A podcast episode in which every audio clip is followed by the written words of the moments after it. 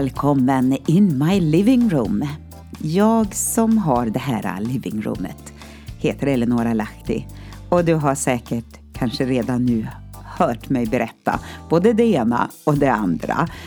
Och nu idag så kommer eh, lite andra grejer. Och nu är det stor fest, stor glädje, ett mäktigt firande. Det handlar om en högtid som heter Sukkot eller Lövhyddohögtiden. Välkommen!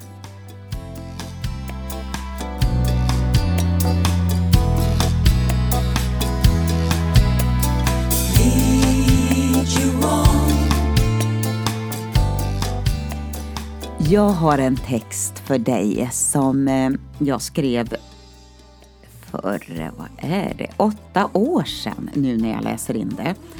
Och jag kommer att behöva komplettera några saker under tiden som jag läser. Och jag upplever det alltid också lite spännande och intressant att titta bakåt i tiden. För historia är faktiskt någonting som är väldigt viktigt för oss för, så att vi kan förstå framtiden. Eh, min son, en av mina söner, är polis. Och ska du bli polis, då måste du också ha historia med i ditt betyg så att du kan söka in på Polishögskolan. Det är viktigt inom olika yrken, inom eh, olika händelser och tidsskeenden så att vi förstår vart är vi på väg. Så, here we go. Lövhyddohögtiden och ny blodsmåne. Jo, jag vet att det är lite kontroversiellt. Men vi ska ge oss in i det här i alla fall. Och nu, nu är det dags för tredje högtiden i följd för Israel. De här hösthögtiderna. Och nu går det undan. När vi var nykomlingar i landet och inte kände till så mycket om deras högtider så brukade jag läsa för min familj ur en liten bok som heter Judisk glädje. Och det var nog mest bara olika recept i den boken men man berättade lite grann också om traditioner. Det var inte lätt att förstå hur allt går till, till exempel när högtiden börjar och hur många dagar det är. Våra yngsta barn de gick i israelisk skola. Och eftersom vi var så nya och började först några veckor in på terminen eh, som barnen började skolan alltså, så hade vi inte någon koll på vilka dagar barnen var lediga. Jag vet inte hur många gånger vi åkte till skolan för att konstatera att det inte var någon skola idag heller. Och nu har Sukkot börjat, lövhyddohäcktiden, och den varar i åtta dagar. Och igår kväll när jag gick och la mig så lyste månen, fullmånen, så mäktigt och klart på himlavalvet. Det är då det är lövhyddohäcktid. Ja, man ska då minnas hur Gud förde sitt folk ut ur Egypten och hur de under den här tiden bodde i hyddor.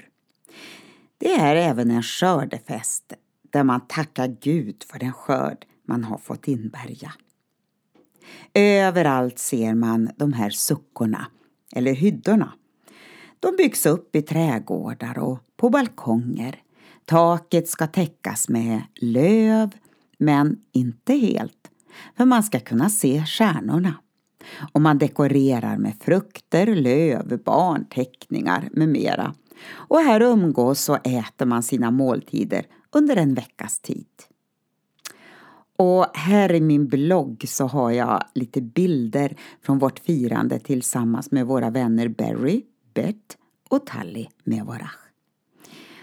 Och jag ser vår dotter Ester och hennes kompis Tally som eh, faktiskt fick sova över i, i den här um, lövhyddan också en natt. Och så var vi där hela familjen och åt middag. Och ursprunget till amerikanernas Thanksgiving kan faktiskt delvis härledas till judarnas firande av Sukkot. Allt handlar om tacksamhet till Gud.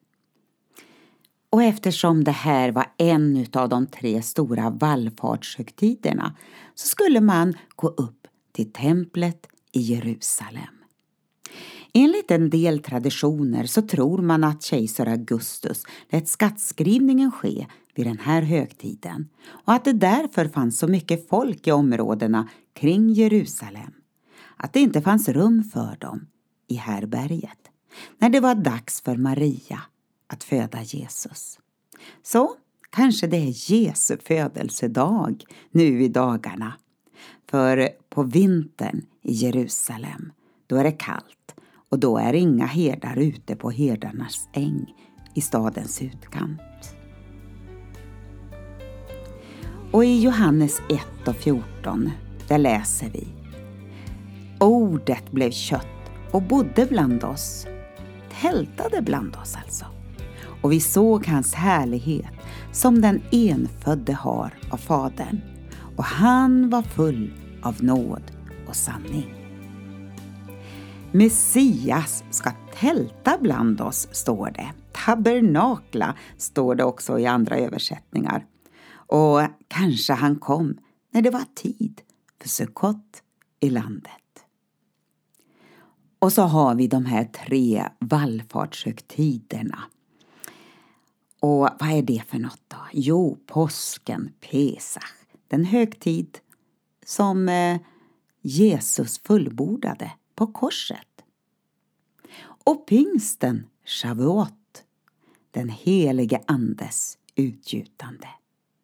Men eh, Sukkot, det som vi kallar för eh, lövhyddohögtiden. Mm.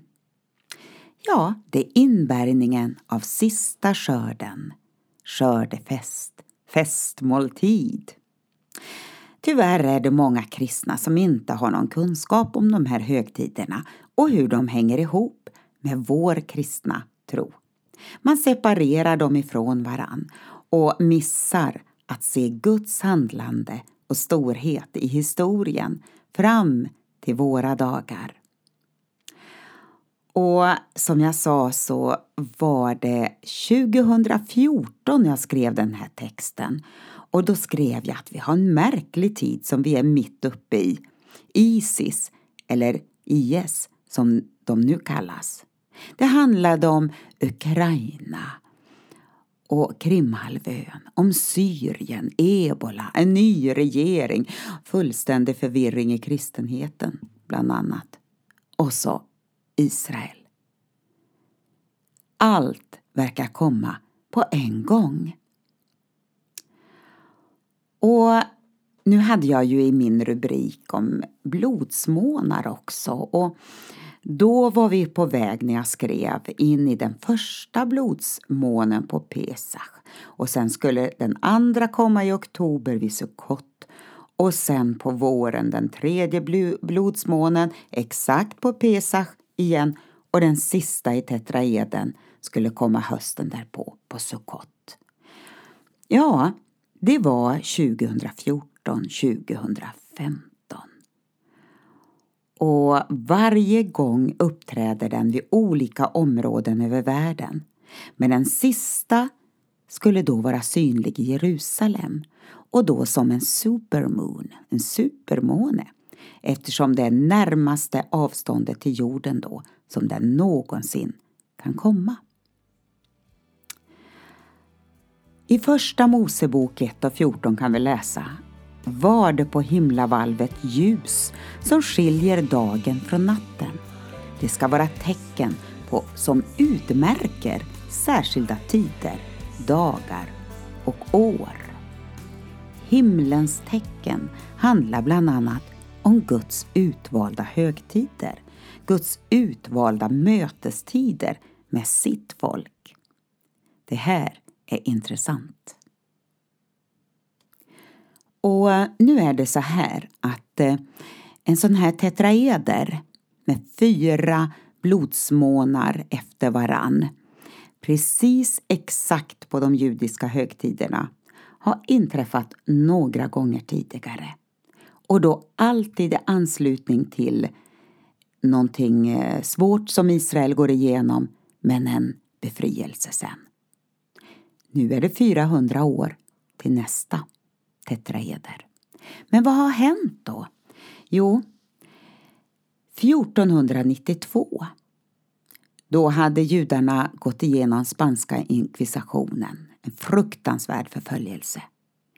Och Columbus, en judisk man, tar med sig judar och upptäcker Amerika. En befrielse.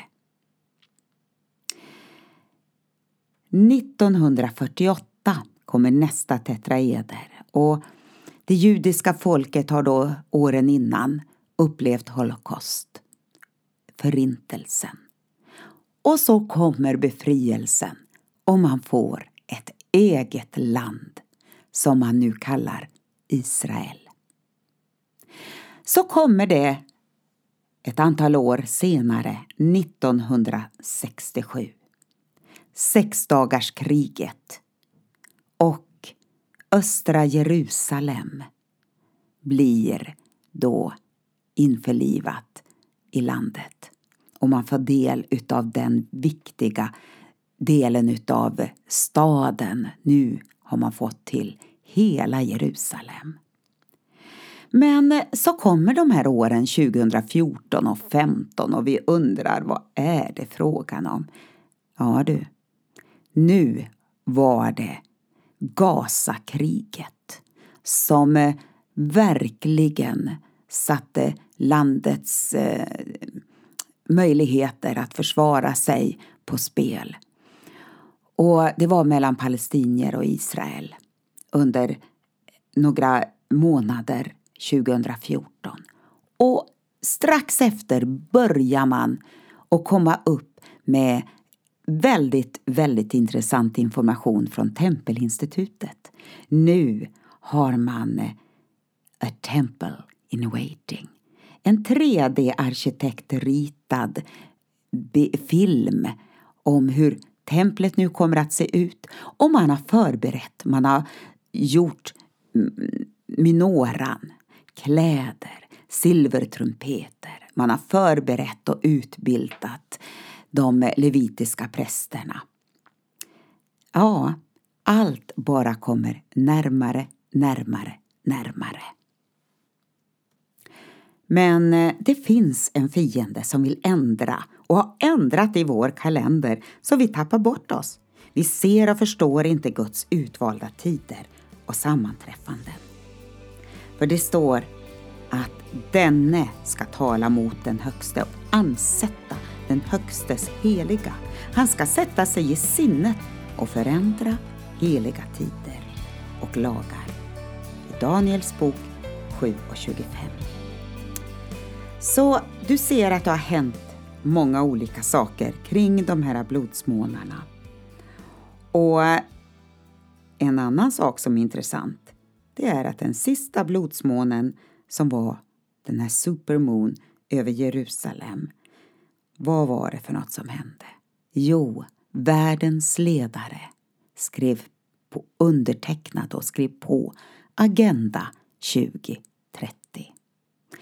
Som eh, låter väldigt fint och bra, men som kommer att innebära stora inskränkningar på olika sätt och eh, kommer att innebära både det ena och det andra. Var uppmärksam. Håll dig vaken. Ja, det blev lite grann av en historielektion här i my living room. Och kanske du ser att tiden närmar sig för fullbordan utav Sukkot. Den sista skörden ska inbärgas och en skördefest väntar. Men förföljelse, ett holocaust och krig är kanske det som tecknen på himlen förebådar innan den stora härliga festen. He's coming